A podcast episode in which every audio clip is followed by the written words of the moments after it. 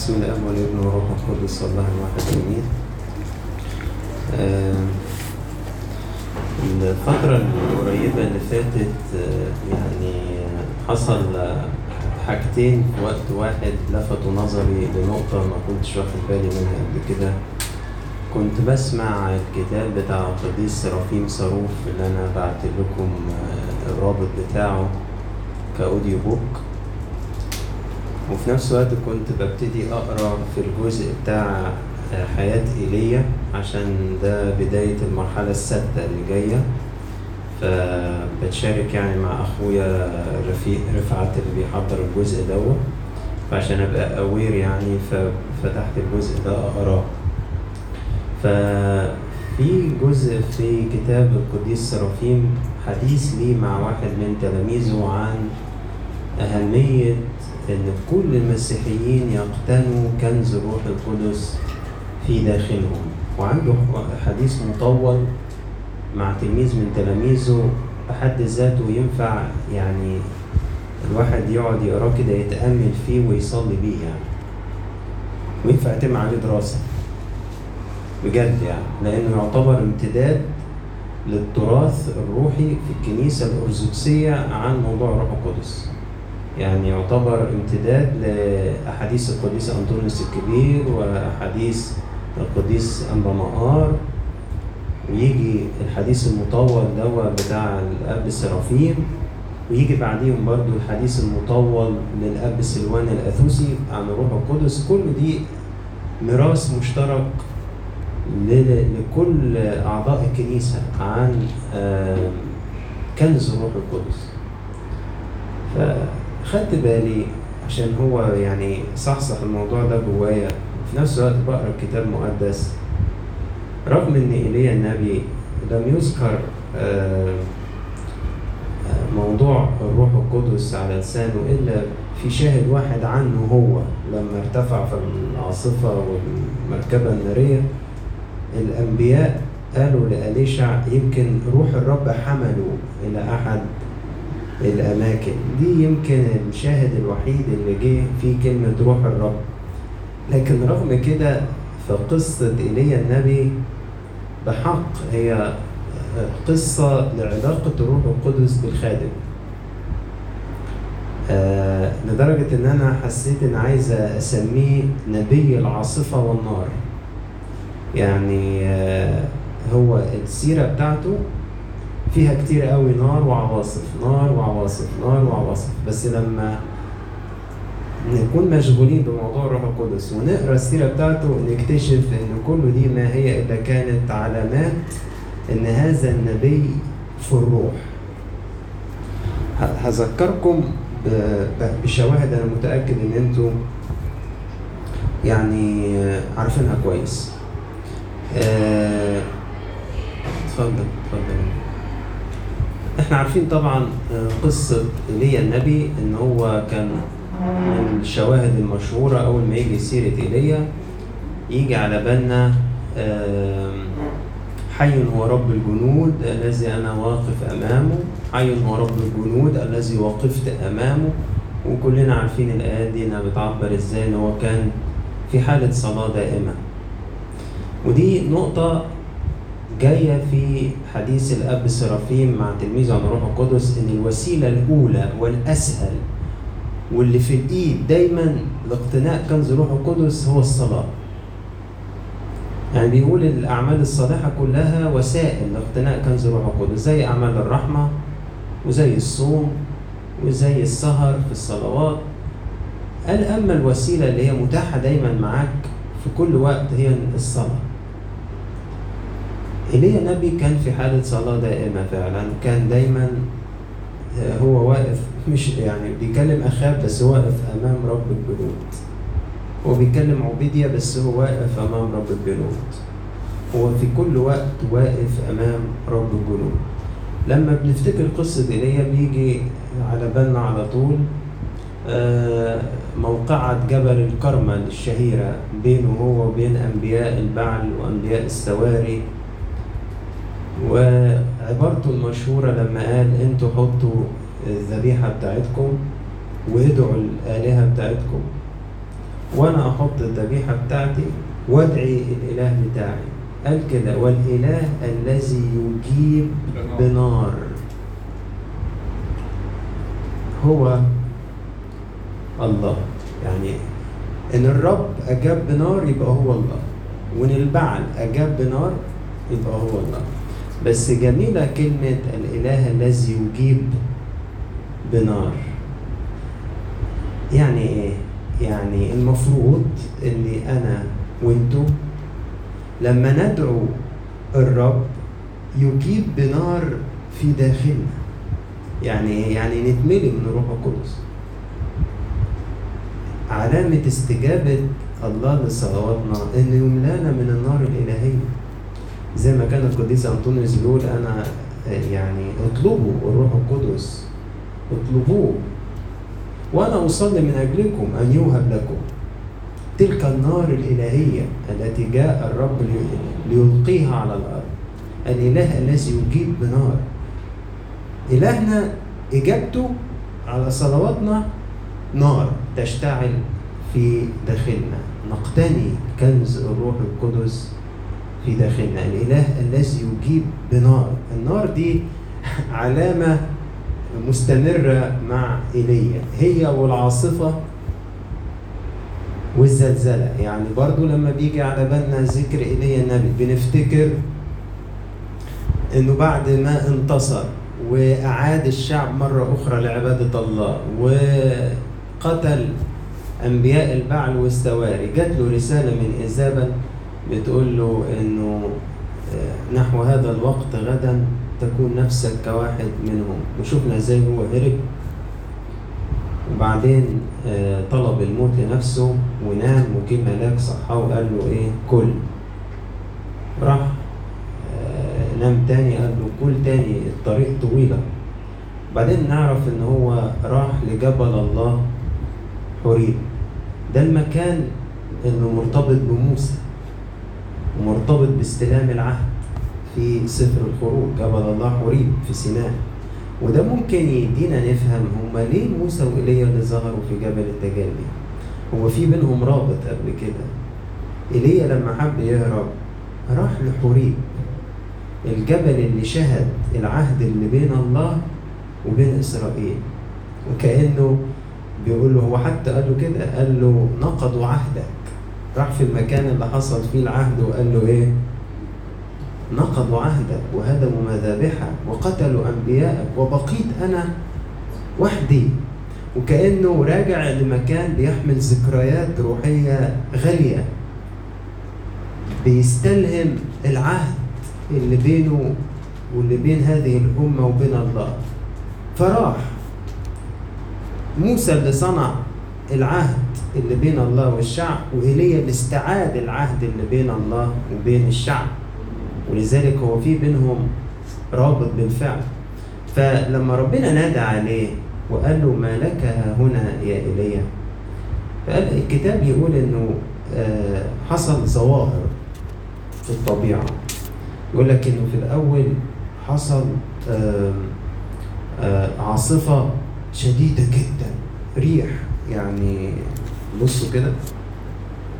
اخرج وقف على الجبل أمام الرب وإذا بالرب عابر وريح عظيمة وشديدة قد شقت الجبال وكسرت الصخور أمام الرب. ولم يكن الرب في الريح. وبعد الريح زلزلة ولم يكن الرب في الزلزلة. وبعد الزلزلة نار ولم يكن الرب في النار. وبعد النار صوت منخفض خفيف. فلما سمع ايليا لف وجهه بردائه وخرج ووقف في باب المغارة. والمشهد ده يرجعنا لمشهد موسى برضه في نفس المكان لما طلب يشوف مجد الرب. وراح ربنا خفاه في نقرة من الصخر وخبى واجتاز الرب أمامه. فبرضه في رابط بين موسى وإيليا في هذا الموقف.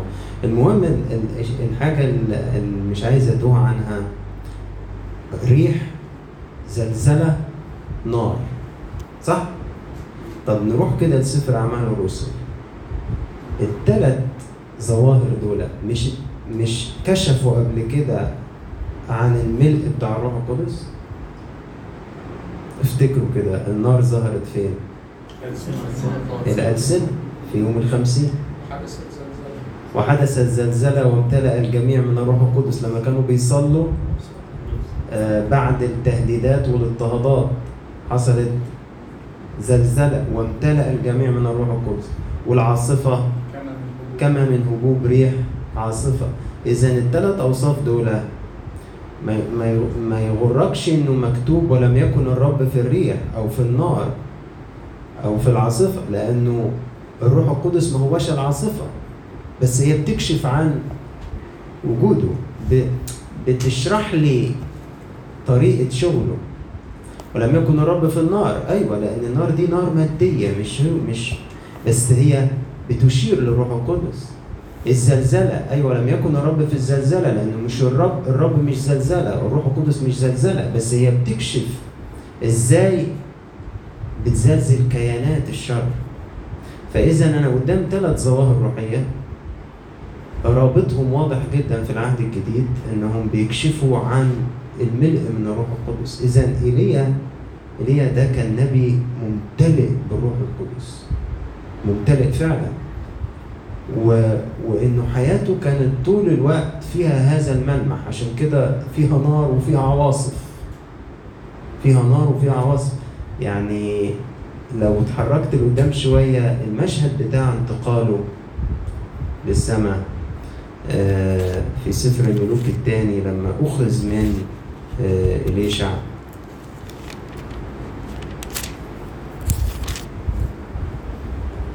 وفيما هم يسيران ويتكلمان. وإذا مركبة من نار وخيل من نار ففصلت بينهما فصعد إيليا في العاصفة إلى السماء. مرة تانية بنتقابل مع النار والعاصفة. هو كان حالة واضحة جدا من يعني نبي مقتني لكنز الروح القدس. وعشان كده بيقول النبي الناري هي النار دي نار إيه؟ دي نار الروح القدس.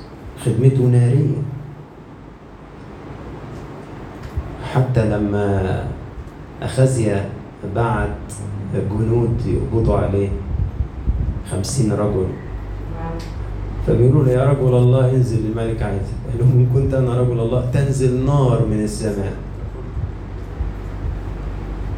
النار دي آه، حاجة مرتبطة بسيرة إيليا. يعني هو مش بس يقتني الروح القدس هو كمان يقدر يشاركنا في نصيبه من الروح القدس. وعشان كده إدى إليشع اتنين من روحه. ودي دي المفروض فعلا هي بتحصل by default مع الشخص اللي مليان من روح الله لما بنقعد معاه بتحس إن أنت خدت من النار اللي عنده. يعني من جاور السعيد يسعد زي ما بيقول المثل العامي عندنا في مصر من جاور السعيد يسعد فعلا. لما بنقعد مع حد من رجال الله إن كان واحد أو واحدة في حديث كده روحي عن الله وعن الحياة المسيحية وعن الأسرار الإلهية. نقول زي ما قال تلميذي عمواس عن حوارهم مع الضيف اللي كان بيرافقهم. ألم يكن قلبنا ملتهبا فينا حين كان معنا في الطريق يشرح لنا الكتب؟ يعني ما إحنا فعلا ما إحنا حسينا يعني إحنا حسينا بنار. فعلا حضور الله في خادم أو إنسان ما يتدراش يعني تقعد معاه تلقط على طول زي الشمعة المطفية لما تقربها من شمعة مشتعلة. تلاقيها ولعت. التانية تلاقيها على طول لقطت منها ولعت. وتحس إن إحنا فعلا نقول زي ما قال القديس بطرس على جبل التجلي يا رب جيد أن نكون هنا. يعني أنا مش عايز أسيب الراجل ده.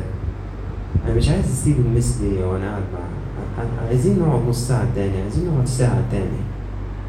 فإيليا مش بس هو مقتني النار هو كمان يقدر ينزل النار.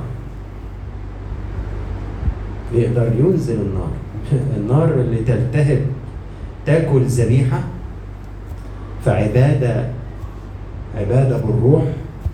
والنار اللي تلتهم الآخرين مش بالمعنى بقى الحرف اللي جه قد ما إني أقدر أطلب إن تنزل نار الله الإلهية دي اللي جه يضربها على الأرض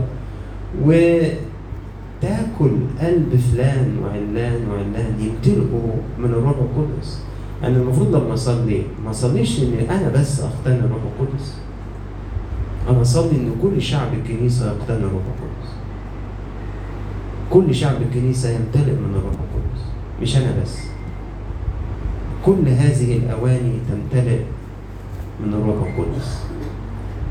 ف ال ال ال ال الفقرات الكتابية اللي جت عن حياة إيليا يمكن ما فيهاش غير الشاهد البسيط ده لما صعد في المركبة والأنبياء قالوا لإليشع طب ارسل ودور عليه. إحنا نبعت رجال ذو بأس يفتشوا عنه لعل يكون روح الرب حمله. هو فعلا هو ده اللي حصل. بس هو كان حمله طول الوقت. هو فعلا. وكانت المظاهر بتاعت كده النار والعاصفة والزلزلة اللي أحيانا لما باخدها بشكل مادي بتحسسني قدام نبي يخوف. لا هو مش نبي يخوف هو نبي كان متمتع بكنز الروح القدس في داخله. وبرضه ما أقدرش أنسى إنه في حديث الأب السرافيم مع تلميذه قال له كده قال له إن الناس اللي عندها كنز الروح القدس دي لما بيكون إحنا في في شراكة معاها بيقدروا ينقلوا لينا هذه النار. بيقدروا ينقلوا لينا هذه النار. وعشان كده لما ايليا بيقول إن كنت أنا رجل الله تنزل نار من السماء. تنزل وتشعل القلوب دي وتحرق اشواك الخطية اللي فيها وتديها إن هي تدوق معنى يعني إيه الإنسان ده يكون إناء لروح الله يعني. آه قلت ده كتير قبل كده ولا أمل عن تذكاره. آه أول مرة ربنا يديني بركة إن أنا أقابل أبونا تدرس يعقوب وأقعد معاه. كان في بيته. وكنت واخد لستة طويلة من الشؤون الرعوية والخدمة الكهنوتية أسأله فيها.